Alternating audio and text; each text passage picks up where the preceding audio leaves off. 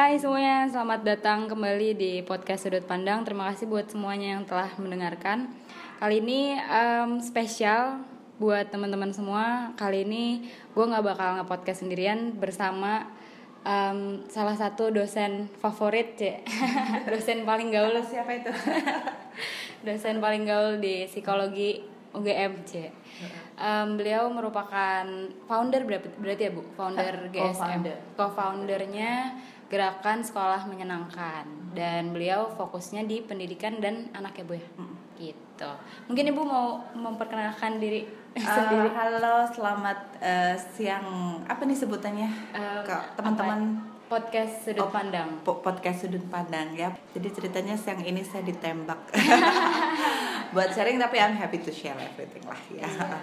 Jadi eh, hari ini tuh sebenarnya aku mau ngobrolin soal revolusi 4.0 Bu. Jadi karena kemarin sempat ke-trigger sama beberapa hal dan ngelihat sekarang kondisinya ternyata semakin mendesak gitu ya Bu. Dan apalagi Ibu sebagai orang yang berkecimpung langsung di dunia dan diharapkan oleh orang banyak rata-rata lah gitu kasarannya karena di UGM sendiri banyak orang-orang yang menganggap kalau udah masuk UGM oh ternyata pasti dia ini ini ini. Tapi ternyata dari kemarin ada salah satu founder yang bilang banyak universitas bagus juga yang nggak bisa ngasih research yang dibutuhkan gitu nah sebenarnya kalau dari sebagai sebagai pengajar sendiri harusnya tuh gimana sih bu? Oke, Eh, jadi mungkin eh, saya mau ngasih gambaran dulu ya tentang sebetulnya apa sih yang terjadi di revolusi industri 4.0 kalau dikaitkan dengan pendidikan. Jadi pendidikan kita selama ini itu namanya pendidikan berbasis konten yang itu sebetulnya dihasilkan oleh revolusi industri 2.0. Jadi revolusi industri 2.0 itu dulu adalah pertama kali ketika ada penemuan listrik gitu ya Uap masuk itu. uap heeh. itu kan kemudian eh, dunia ekonomi itu kemudian dikuasai oleh dunia industri di Iya. mana kita membutuhkan banyak karyawan Heeh. gitu banyak buruh untuk bekerja di situ nah ketika kita butuh banyak karyawan dan buruh maka kemudian pendidikan itu dibuat berkelas gitu. Dan ada istilah eh, naik kelas eh, lulus nggak lulus gitu. Karena memang nanti di pekerjaannya kan begitu. Di pekerjaannya tuh kalau sistem pabrik kan kamu bagian gunting ntar kamu pindah sana bagian motong ntar di situ pindah apa gitu. Dan harus sesuai SOP kalau nggak sesuai SOP maka dia nggak bisa jadi karyawan bagus. Nah sistem pendidikan kita dikuasai selama beberapa tahun dari tahun 1970 sebetulnya oleh rev- sistem berbasis konten itu sebelumnya sebetulnya sempat di uh, promote sistem pendidikan ala Ki Hajar tapi itu kemudian dihancurkan gitu ya istilahnya dikalah oleh pendekatan revolusi 2.0 itu berbasis konten. Nah sekarang eranya kan sudah bukan era mesin dan pabrik lagi. Ah. Sekarang uh, eranya artificial intelligence Iya. atau Internet of Things atau sekarang malah sudah mulai kita bicara tentang bioteknologi ah. ya. Nanti saya akan bicara di situ apa hubungannya bioteknologi dengan Pendidikan. disrupsi ya Ah. dan pendidikan. Nah, ketika artificial intelligence itu kemudian membuka ruang-ruang bentuk perekonomian yang lain, Ah. yaitu bentuk perekonomian kreatif, Heeh. kita bisa lihat contohnya banyak lah sekarang Iya. ya. Ada Bukalapak, Gojek. ada Gojek yang nilai uh, value ekonominya lebih tinggi daripada Garuda Indonesia bahkan. Kemudian bank-bank sekarang juga harus mulai berpikir untuk uh, untuk mengganti bentuk bisnisnya karena itu bisa digantikan oleh Oppo, oleh Iya. GoPay dan sebagainya. Heeh. Artinya di situ akan ada uh, pekerjaan-pekerjaan yang tidak dibutuhkan lagi Iya. berganti dengan jenis pekerjaan lain. Iya. Kalau- Seperti youtuber mungkin Iya ya, sebagai youtuber itu dulu mungkin kalau zaman dulu youtuber mau jadi apa? Iya. Eh, cuman ngomong-ngomong di depan video bikin konten nggak akan dapat apa-apa. Tapi sekarang itu di reward di eh, apa merupakan salah satu karir yang bisa dilakukan karena di situ ada economic impact gitu Iya. ya. Sementara eh, pekerjaan-pekerjaan yang sifatnya dulu seperti buruh itu sekarang soalnya sudah bisa digantikan oleh Iya. teknologi. Benar. Nah, sehingga sebetulnya nanti kaitannya pertanyaannya adalah so sumber daya manusia seperti apa yang harus disiapkan di era seperti Ah, sekarang ah, ini benar, dibandingkan di SDM zaman Iya. dulu. Kalau zaman dulu berarti saya bisa jawab SDM yang dibutuhkan adalah yang dia terampil, manut sama aturan Iya. karena harus sesuai SOP kemudian dia juga harus punya konten base yang bagus nilai yang bagus karena zaman dulu informasi itu nggak gampang diperoleh nah sekarang informasi meruah lum apa meruah di mana-mana maka yang di, penting diperlukan sebetulnya adalah metode berpikir Iya. Nah, jadi iya. ketika Heeh. ketika seorang manusia itu punya informasi banyak ini dari internet gitu Iya. ya Terus apa Terus gitu? apa mau dikelola seperti Iya. apa? Apa dia mau ngikut yang informasi A atau yang B atau Heeh. bingung? Nah, di situlah kemudian pentingnya SDM atau mengelola pikir. Nah, eh, problemnya pertanyaan kemudian adalah apakah pendidikan sekarang ini tidak lagi bisa Iya. pendidikan yang revolusi 2.0 itu Relevan apakah bisa nggak? eh, relevan nggak untuk memenuhi kebutuhan SDM yang sekarang atau ke depan? Heeh. Kalau jawaban saya jelas tidak. jelas tidak sama Iya. sekali. Sekarang kita bisa lihat saja, saya yakin hampir rata-rata perusahaan sekarang, terutama perusahaan kreatif, sekarang menginginkan sumber daya manusia itu bukan karena eh, prestasi akademik. Iya. Mereka nggak mungkin nanya IP-mu berapa, nggak mungkin, karena Iya. sekarang pun juga yang IP bagus banyak banget. Mereka akan nanya apa yang lu bisa lakukan. Iya, benar. Contoh, eh, supir eh, gokar, itu kan dari semua tingkatan kan? Iya. Mereka nggak nanya, "Eh, kamu nilainya berapa sih? Nggak mungkin. Iya. Pertanyaannya adalah, lu bisa nyetir nggak? Iya, Nah, punya benar. mobil nggak? Punya. Oke. Nggak peduli kamu S3, S2, S1 atau Iya. nggak sekolah, Iya. sama kerjaannya nyetirin gokar. Itu pun sama di Google, di perusahaan Google kemarin dia barusan menerima anak umur 14 tahun Iya.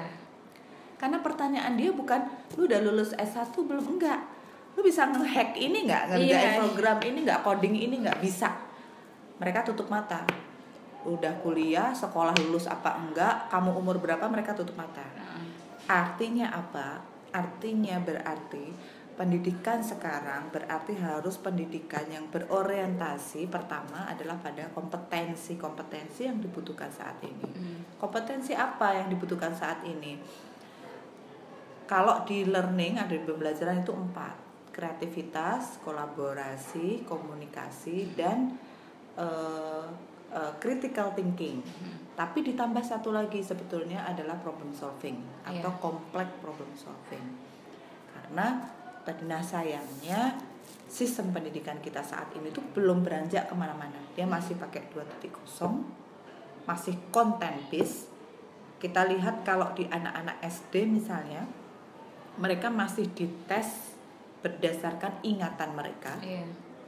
Bukan mereka itu pakai project base misalnya Iya, benar. dari- dan dinilai kompetensinya Iya. sampai mahasiswa pun juga Iya, begitu benar, benar, Bu. di mahasiswa juga di pendidikan tinggi saya juga belum melihat adanya terobosan yang cukup berani ya dari universitas ini untuk mendobrak eh, zaman yang sebetulnya udah berubah Iya, ini iya. ya jadi misalnya masih tesnya itu masih berbasis konten masih pakai ada beberapa yang multiple choice Padahal yang tadi yang lima ibu sebutin tuh semuanya based on practical, gak bisa Iya, semuanya tuh cuma dihafalin bisa, gitu. tuh. bisa kita melihat misalnya kita mau melihat mahasiswa Komunikasi saya aja, nah, Bu. komunikasi Heeh. gimana dia kalau cuma duduk diem di kelas dengerin dosennya habis Iya. itu dinilai pakai multiple choice Iya, ya benar. kan apalagi kreativitas Iya. apalagi problem solving maka Iya. yang bisa kita uh, ubah sebetulnya adalah mulai dari uh, paradigma Hmm. yang itu nanti akhirnya turun sampai ke model pembelajarannya gitu ya Oke. Nah, sekarang mungkin terlalu sulit ya Bu kalau misalnya kita harus sampai nyentuh ke titik paling bawah tuh maksudnya eh, masyarakat secara umum, Mm-mm. anak SD atau anak SMP, anak SMA. Tapi em, di tataran mahasiswa aja deh Bu yang sekarang sebenarnya udah punya udah ada modal sebenarnya Mm-mm. mahasiswa tuh sebenarnya. Cuma gimana sih sebenarnya caranya kalau memang dari universitas atau sekeliling kita tuh nggak bisa membuat kita berkembang, Mm-mm. menyesuaikan diri, Mm-mm. sebenarnya kita tuh sebagai mahasiswa harusnya gimana? Ngapain gitu karena kan? Hmm. saya ngeliat banget saya sendiri ngerasain bu sebenarnya oke udah nih psikologi terus abis itu em, apa iya masih masih relevan dengan cara yang dulu gitu dan Mm-mm. sekarang pun kayaknya dulu sempat ada yang viral kalau misalnya kita tuh nggak butuh psikologi Mm-mm. Eh, AA Burjo aja cukup Mm. karena Ari Burjo juga mendengarkan sedangkan Mm. banyak psikolog yang karena menuruti SOP jadi tidak ada empatinya bu ya ya betul jadi sebenarnya mahasiswa harusnya gimana gitu Oke, Eh, saya selalu bilang di kelas eh, buat saya yang terpenting itu bukan nilai. Makanya kalau ada mahasiswa yang nanyain nilai, saya selalu nanya buat apa sih gitu. Yang terpenting eh, kemampuan yang dimiliki oleh kalian adalah lima hal itu tadi. Nah, gimana caranya? Saya selalu mendorong kalau di kelas-kelas saya ya, saya selalu mendorong mereka untuk tidak hanya jadi mahasiswa yang dari kos eh, datang ke tempat kuliahan, pulang lagi ke kos dan cuman ya kalau bergaul sama teman-teman ya cuman bergaul ke sana kemari hari. Kalau bisa buat sebanyak-banyaknya aktivitas Hmm. bersama dengan eh, eh, mahasiswa dari disiplin ilmu lain. Karena dengan kita itu punya pengalaman berinteraksi di dalam sebuah organisasi atau aktivitas ya Hmm. dengan mahasiswa ber- berbagai lintas disiplin, kita bisa mengembangkan lima kemampuan itu tadi. iya Kan kita jadi harus mau nggak mau tuh harus Iya. berkomunikasi. Iya. Mau nggak mau kita pasti ah, punya problem tuh pasti Iya. itu entah problem pertemanan atau Iya. Ketika kita mau melakukan sebuah aktivitas kita jadi kesulitan untuk nemuin funding atau Ya. gimana wah harus gimana nih maka kemudian kompetensi problem solving muncul di situ Iya. ditambah lagi sebetulnya yang dulu saya rasakan sejak kuliah itu adalah bagaimana kita eh, memahami cara pandang ilmu lain disiplin Iya. lain itu sangat memperkaya psikologi itu tidak akan jadi psikologi menurut saya ketika sekarang ini kita tidak berinteraksi dengan eh, ilmu eh, misalnya eh, sosial politik gitu. iya benar Nanti psikologi tidak akan menjadi psikologi kalau kita juga tidak bisa berinteraksi dengan teman-teman di kesehatan Iya. atau di even di teknologi. Sehingga saya selalu mendorong anak-anak muda itu untuk belajar tidak hanya di kelas. Ah, Jangan jadikan dosen itu sebagai satu-satunya sumber belajar iya karena sekarang pun dosen itu sebetulnya harus berganti peran juga tidak sebagai pemberi knowledge Ah, tetapi sebagai fasilitator mahasiswa untuk mengembangkan lima kompetensi itu iya iya nah nah, tapi kalau misalnya anda tidak beruntung gitu teman-teman nggak beruntung nggak dapat dosen yang kayak gitu ya berarti teman-teman yang harus eager to tend to trying out or finding out uh, more experience Nah. outside Em, kalau saya mengkritisi ya bu Mm-mm. kesulitannya itu di kenyamanan kehidupan sekarang gitu sih. Hmm, iya. karena sebenarnya masalah banyak tentu masalah Betul. semakin banyak tapi kenyamanan kita untuk memulai itu buk- jadi alasannya bukan karena susah mulai tapi karena Mm-mm. terlalu nyaman untuk memulai jadi pertama itu kedua ketidakbiasaan kita untuk uh, memulai duluan Mm-mm. itu tuh jadi problem gitu buat beberapa orang kayak mau sih mbak tapi gimana ya caranya ada tapinya gitu iya ya iya selalu ada ada excuse-nya Hmm, tuh pasti excuse-nya. ada gitu bu Eh, coba deh ketakutan-ketakutannya tuh semakin nyata gitu bu Iya, maksudnya dari adanya sosial media gitu Iya. pasti adalah judgement dari orang dan Mm-mm. ini sih problem kedua yang mau saya diskusiin tuh terkait em, karena support system dari dalam keluarga sendiri tuh nggak semuanya kuat gitu dan Hmm. banyak em, unfinished business dari saya dan teman-teman saya tuh terkait ke keluarga jadi kita ngerasa kalau kita gagal nggak akan lagi ada tuh yang nampung jadi hmm. Keberaniannya tuh kurang Ah, ya ah, karena gitu. nah, kok nggak ngikutin orang tua Iya, ntar nggak ada support system terus kalau teman-teman orang tua udah nggak ada teman-teman malah ngejudge juga terus kita larinya ke mana Mana? gitu Iya, memang eh, kalau mau dengerin salah satu videonya Simon Sinek, Oh, Simon iya, Sinek Simon itu kan Sinek. ahli eh, leadership ya dan Iya. manajemen itu dia menggambarkan betapa memang salah satu tantangan anak-anak muda milenial, yang saya sebut mahasiswa sekarang tuh milenial karena memang sudah mulai hidup dengan teknologi ya. Itu eh, kelebihannya itu dia sebenarnya kreatif, Hmm. terus eh, pun- pun- eh, selalu pengen sebetulnya punya meaning sebetulnya Iya. punya meaning terhadap apa yang dilakukan. dan daya kritisnya juga Mm-mm, dari kritiknya tinggi juga karena dia mungkin banyak informasi yang dia dapatkan ya. Hanya memang kelemahannya karena dia selama ini hidup nyaman dengan dibantu teknologi yang mempercepat segala hal, mempermudah segala hal. Memang kelemahannya adalah satu eh, dia senang sekali hal-hal yang instan. iya gratific apa gratification instant gratification Iya, instant gratification. Eh, semua itu dilihat seperti bagaimana media sosial itu bekerja. iya Media sosial itu kan ketika kita upload ini langsung like, ketika kita atau bagaimana teknologi kerja ketika kita butuh makanan langsung go food Iya. ketika kita butuh eh, mau ngirim ke zaman dulu kalau saya ketinggalan sesuatu ya udah konsekuensinya harus balik lagi Iya. kalau sekarang bisa gosen Iya. artinya everything easier than before akibatnya apa akibatnya adalah anak-anak muda ini kemudian menjadi takut terhadap tantangan Mm-mm. yang lebih berat. Ini gejala ini sudah ter- terlihat nih, misalnya di anak-anak SD sekarang. Itu kalau misalnya mereka dengar kata camping. Kalau zaman dulu zaman saya camping tuh exciting Iya, banget. Sampai saya juga masih kok. Wow, good exciting. Oh, kita mau camping, mau mau berada di situasi yang unpredictable. Iya, iya. Tapi kalau sekarang camping, aduh, itu Gak ada sinyal. Eh, nggak ada sinyal. Nah itu yang pertama kali bicara itu nggak ada sinyal. Kita kalau mau mandi susah banget, sementara di rumah gampang dan sebagainya. Nah ketangguhan Iya, iya. kata em, apa grit ya. Salah satu keterampilan psikologi sosial yang harus dilatihkan di anak-anak milenial itu adalah grit ketangguhan. Jadi tangguh itu harus dilatihkan dari kecil dan hanya bisa terlatih ketika seseorang manusia termasuk anak muda itu mencoba hal baru Mm. terus menerus melakukan hal yang dia nggak suka. Jadi kalau di Harvard itu ada sebuah eh, menurut saya game menarik itu yang dilakukan oleh universitas ya. Jadi mahasiswa ditanya kalian hobinya apa gitu. Hmm. Ada yang musik, ada yang macam-macam ya, Hmm. ada yang eh, dancing, ada yang riset dan sebagainya. Nah justru kemudian universitas itu meminta mereka Tidak melakukan itu. tidak melakukan itu, tetapi harus melakukan sesuatu yang mereka paling nggak suka. Hmm. Jadi misalnya saya paling nggak suka musik, saya nggak bisa musik. Justru universitas meminta dia melakukan musik, dibenturkan dibenturkan. Di situlah dia sedang berlatih grit, ketahanan, melakukan sesuatu yang kadang-kala di dunia itu kan tidak sesuai harapan. Iya, benar. Tidak sesuai harapan. Emang kalau orang mau ma- main musik terus tiba-tiba bisa musik, jangan-jangan anak muda tuh melihat, iyalah orang dia bakat jadi dia bisa main musik. Nah, Ah. dengan dia dibenturkan itu, dia akan berpikir, oh ternyata main musik itu butuh praktis. Heeh. Ternyata main musik itu something yang valuable juga ya. Iya. Selama ini aku mengesampingkan atau menyepelekan. Nah, sehingga anak muda punya perspektif itu. Iya. Nah, memang makanya kalau sistem pendidikan belum memfasilitasi itu, maka diri sendiri memang harus menciptakan itu. Nah, cuma ini kan Bu, em, diri sendiri tuh terkadang motivasinya tuh kan kayak karena kita sendiri yang bikin role-nya, kita juga dengan mudah me, apa ya melangkahi role itu sendiri gitu Bu.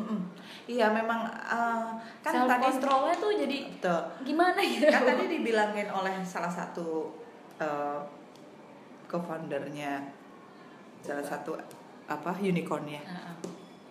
bahwa salah satu kompetensi anak muda yang dibutuhkan saat ini adalah break the truth Hmm. uh, berani mengambil risiko Hmm. karena memang tidak pernah dilatih dari Iya. sistem pendidikan kita itu bayangkan saja konten bis jawabannya A atau B nggak ada abu-abu Iya, kalau kamu jawabnya ini salah iya. Yang ini ben yang ini benar. Nggak ada. Menurut saya begini-begini oh oke menurut kamu gitu ya. How about you? Makanya kenapa pendidikan itu sudah nggak cocok lagi? Karena anak muda sekarang harus punya banyak alternatif pikiran Iya. sehingga dia berani mencoba alternatif itu. Nah kalau sekali lagi kalau sistem pendidikan support system nggak ada anak muda itu memilih.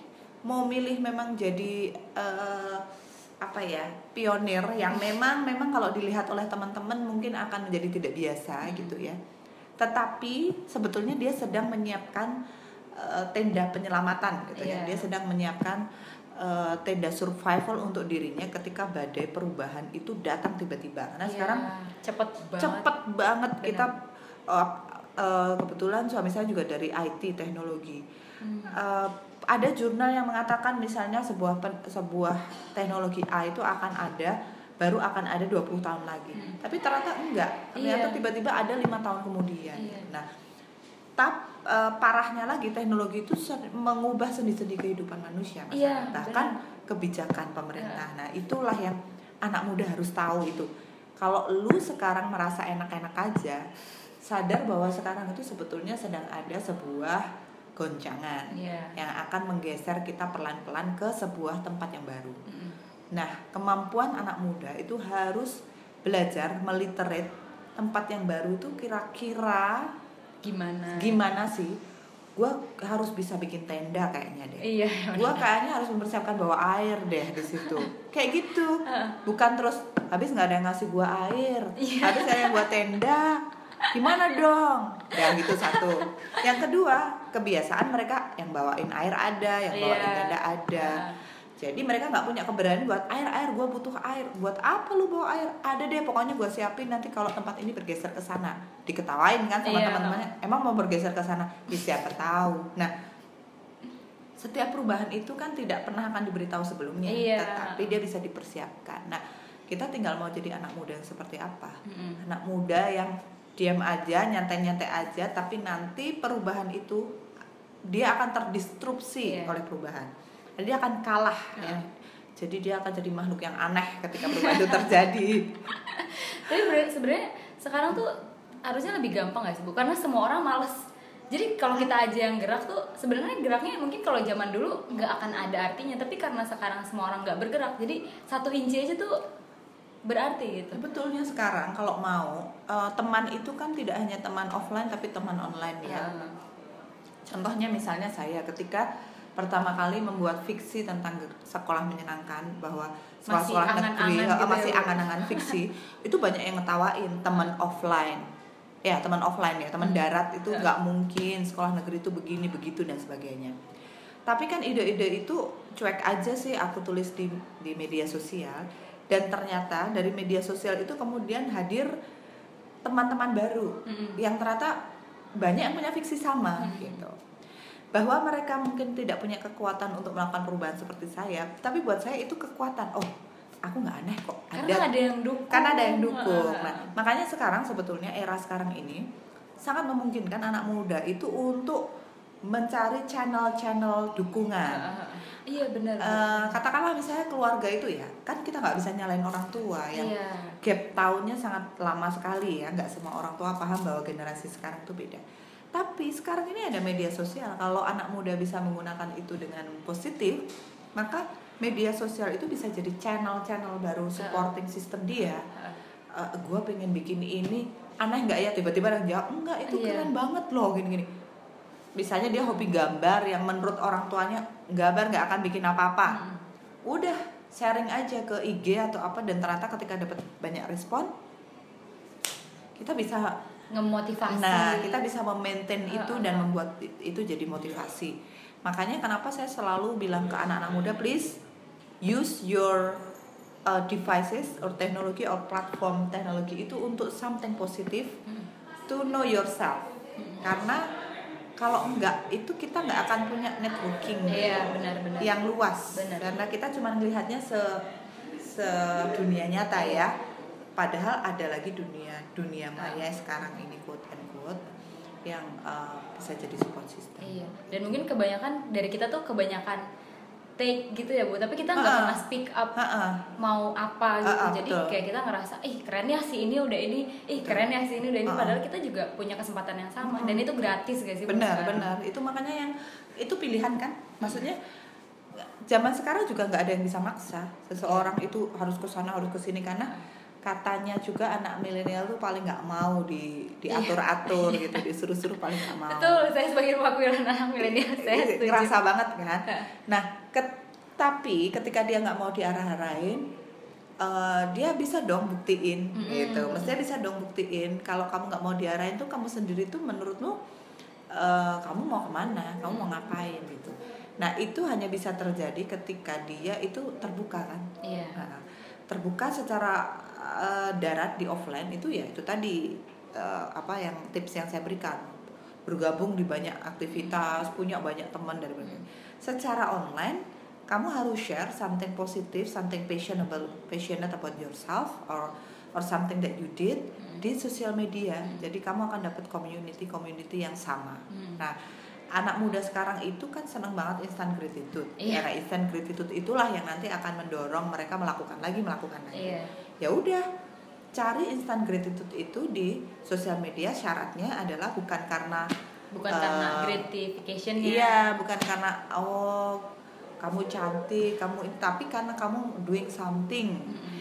yang passionate buat kamu nah PR-nya anak muda sekarang itu memang makanya mereka harus nemuin passion. Hmm. Passionnya apa? Dia harus berani melakukan, Ya. kemudian berani menunjukkan. Ya. Tuh. Karena kalau nggak nemu passion, nanti dia terombang ambing Iya. ke mana-kemana Uh, gitu. Karena ngikutin kayak si ini gini, si itu gitu, Mm, jadi mm, mm. kayak stres sendiri, Mm-mm, akhirnya mm-mm. ya overwhelmed dan anxiety Iya, dan dan lain. perlu diingat bahwa passion itu kan nggak ada yang nggak nggak ada yang sama antara satu anak dan yang lainnya. Semakin beda, semakin jarang, semakin unik. Mm-mm.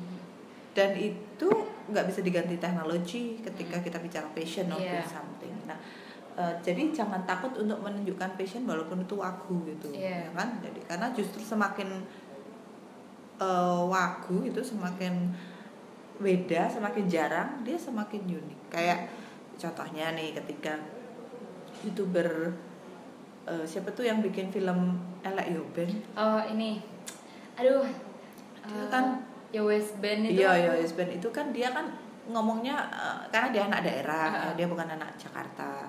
Padahal Jakarta tuh segitu doang ya. Iya? Jakarta segitu doang, tapi kan buat anak-anak daerah kadang masih minder ya buat Iya. jadi youtuber Ah, gitu.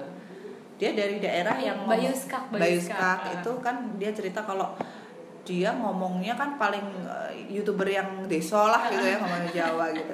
Sampai dia tuh punya idealisme bikin film aja itu film yang semua filmnya itu ngomongnya ngomong ala Jawa Timur banyak orang yang meragukan film itu bakal booming karena ya, pakai bahasa Jawa mana ya orangnya cuma beberapa aja tapi ternyata dugaan orang itu salah istilahnya gitu. Nah, waktu itu waktu dia jadi youtuber bahasanya desa mungkin mikirnya ih ya ampun nggak malu apa kayak gitu Iya, ya iya. tapi dia kan justru bisa melihat itu sebagai opportunity Karena sustain ya bu. karena sustain dan karena justru perbedaannya itulah yang dia jual Iya. dia nggak malu untuk akun desa tapi justru desanya itu pasti nanti yang di dicari Ah, ah. di di antara youtuber youtuber yang lain Iya. kayak gitu atau misalnya Ricis Ria Ricis yang dia pakai kerudung Ah. kan yang identik dengan harus alim ya Iya. itulah dan dia bisa jingklak jingklak gitu sampai akhirnya dia bisa jadi eh, youtuber perempuan yang paling itu kan ya itu passion grit gabungan kan Mm-mm. Eh, passion dia Berarti yang penting lakuin aja dulu bu nanti kayak maksudnya lakuin dulu nanti abis itu support tuh akan datang dengan pasti sendirinya. pasti jadi gini rumusnya kalau aku nge-share apa-apa ke anak muda itu rumus pertama itu adalah lakukan. Bahkan untuk menemukan diri kita itu itu kita bisa lakukan bukan dengan mikir dengan melakukan sesuatu. Karena mikir aja nggak cukup. Bu. mikir aja itu kita nggak pernah nemuin. Gue tuh sebetulnya siapa sih? Kelemahan gue apa? Nggak akan bisa menemukan sampai kita melakukan sesuatu. Kita melakukan sesuatu kita bakal tahu aku tuh ternyata nggak suka ya kalau model kayak gitu aku sukanya Eh. udah kayak gini nah itu berarti kamu menemukan satu hal tentang Ah. dirimu Ah. aku tuh paling nggak seneng kalau meeting jam segini dan nunggu segini nah itu kamu menemukan sesuatu karena melakukan sesuatu Mm. jadi gak usah mikir Mm-mm. melakukan aja aku kayaknya pengen bikin donat nggak usah kayaknya bikin aja besok langsung donat Jadi lah. jadi apa terserah upload misalnya gitu ya Eh, kasih ke temennya tahu enak apa enggak. Eh coba deh dicoba enak nggak donatnya enggak kasih nih oke. Berarti dia ada waktu kan buat benerin kan oh berarti gua bikin donat. Misalnya salah lu bikin donat kok nggak bener-bener ya? Iya ya bikin yang lain ya? Ada waktu dia buat benerin bikin yang lain. Semakin cepat seorang anak muda melakukan sesuatu semakin cepat dia menemukan dirinya. Tapi semakin kelamaan mikir ya udah ini gelombang perubahan ini akan, Sekali. Nah, eh, mungkin ini sih bu, karena usia-usia saya sekarang tuh eh, teman-teman udah mikir kayak melanjutkan kehidupan yang lebih lanjut gitu habis kuliah tuh entah ada yang mau berkeluarga, entah ada yang mau lanjut S2. Tapi ada juga yang masih bingung kayak berkeluarga tapi belum yakin gitu loh Bu kayak karena kita sendiri punya em, apa ya? punya pengalaman yang nggak begitu baik gitu misalnya dengan keluarga tapi kita juga bingung sebenarnya jadi jadi orang tua tuh gimana sih bu harusnya apalagi dengan keadaan yang kita juga tahu sekarang tuh serba ngurusin temen sendiri aja susah gimana nanti Iya. punya anak gitu Iya, eh, kalau saran saya sih memang eh, menikah itu memang bagus ya part of ibadah. Tapi tapi di era yang seperti sekarang ini, ya benar.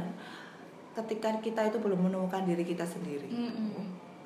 Bagaimana kita kemudian akan membuat eh, membuatkan sebuah tempat sebuah ini untuk misalnya anak-anak kita Hmm. ya. Itu another unfinished problem. Kalau memang cita-cita kita itu bukan eh, ibu rumah tangga. Kan memang ada yang memilih ya Iya. untuk menjadi ibu rumah tangga. Kalau bapak rumah tangga jarang ya kalau ibu rumah tangga. Kalau memang dia memilih itu ya sudah dengan segala konsekuensinya. Tapi kalau memilih untuk having karir maka harus dipastikan memang mau karir karir itu maksudnya gini bisa working somewhere Uh-uh. atau bisa starting bisnis kan Ah, ah. nah menikah itu mestinya kan kalau menurut saya filosofinya adalah memperkuat apa yang sudah dipunya Mm-mm. jadi kalau misalnya dia sudah punya bisnis kecil-kecilan nih jual jilbab gitu, Mm-mm. ya menikah itu mestinya nanti akan menambah eh, koneksi koneksi bisnisnya Ah, ah, ah. menambah semangat dia berbisnis karena suaminya mendukung Mm-mm. kayak gitu kayak karena kayak- udah dapat sesuatu dari karena diri diri sendiri sendiri dan itu bisa jadi bahan untuk diskus diskusi ke calon Ah, ah. pasangan hidup artinya begitu Ah.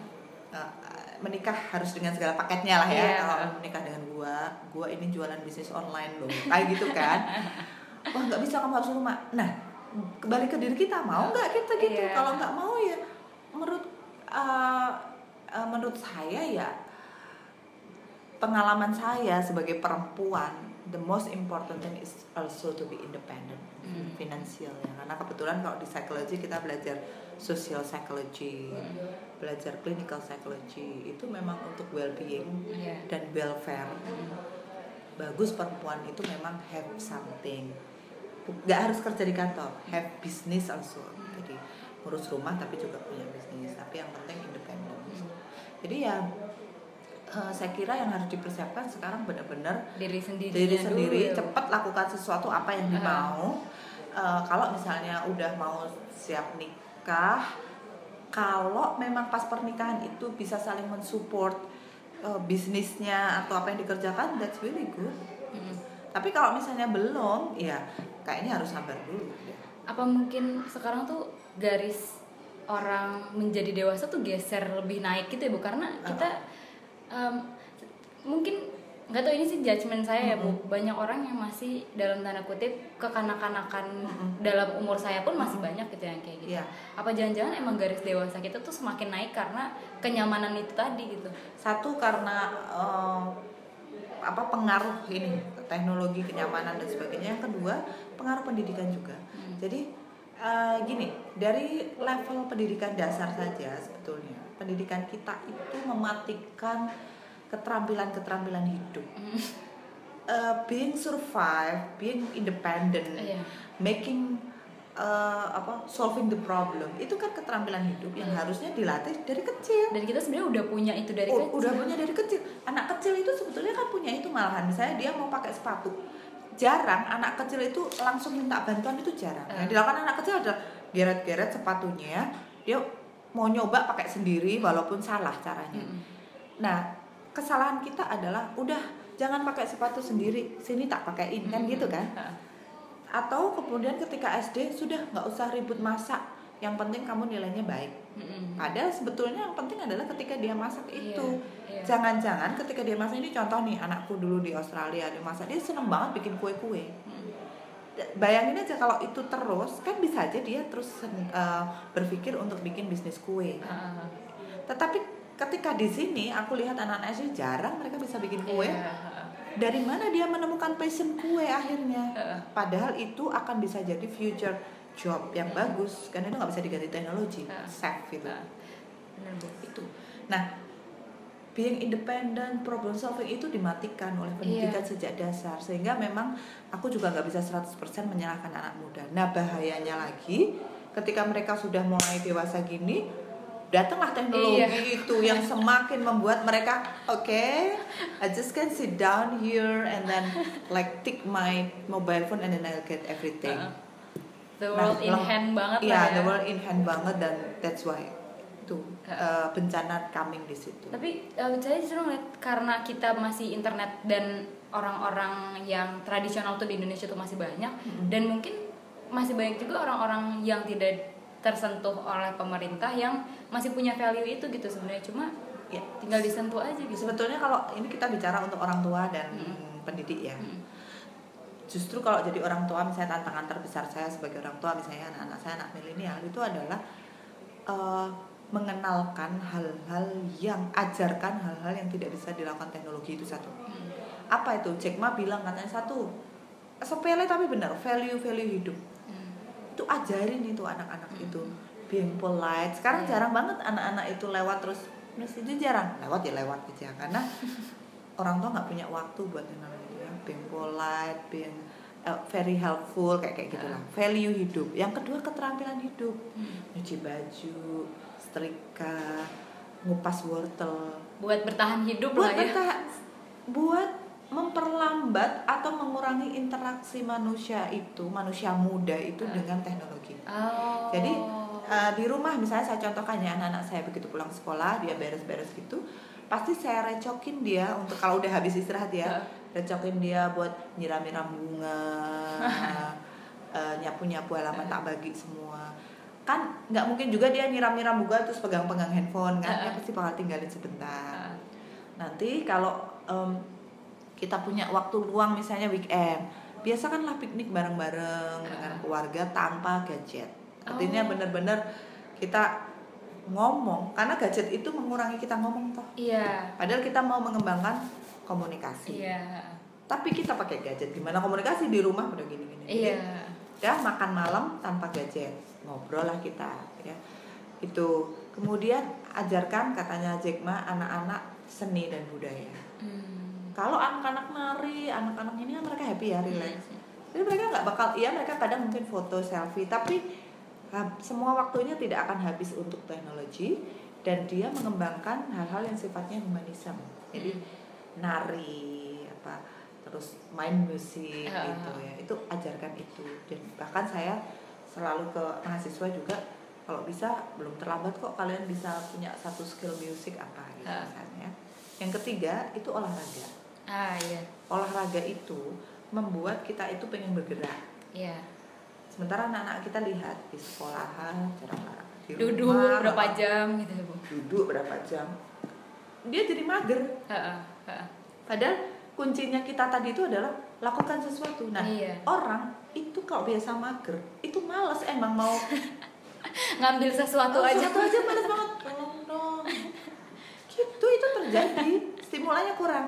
Tapi kalau kita uh, aku ngerasain kok di usia aku yang segini misalnya masih olahraga, masih apa ya?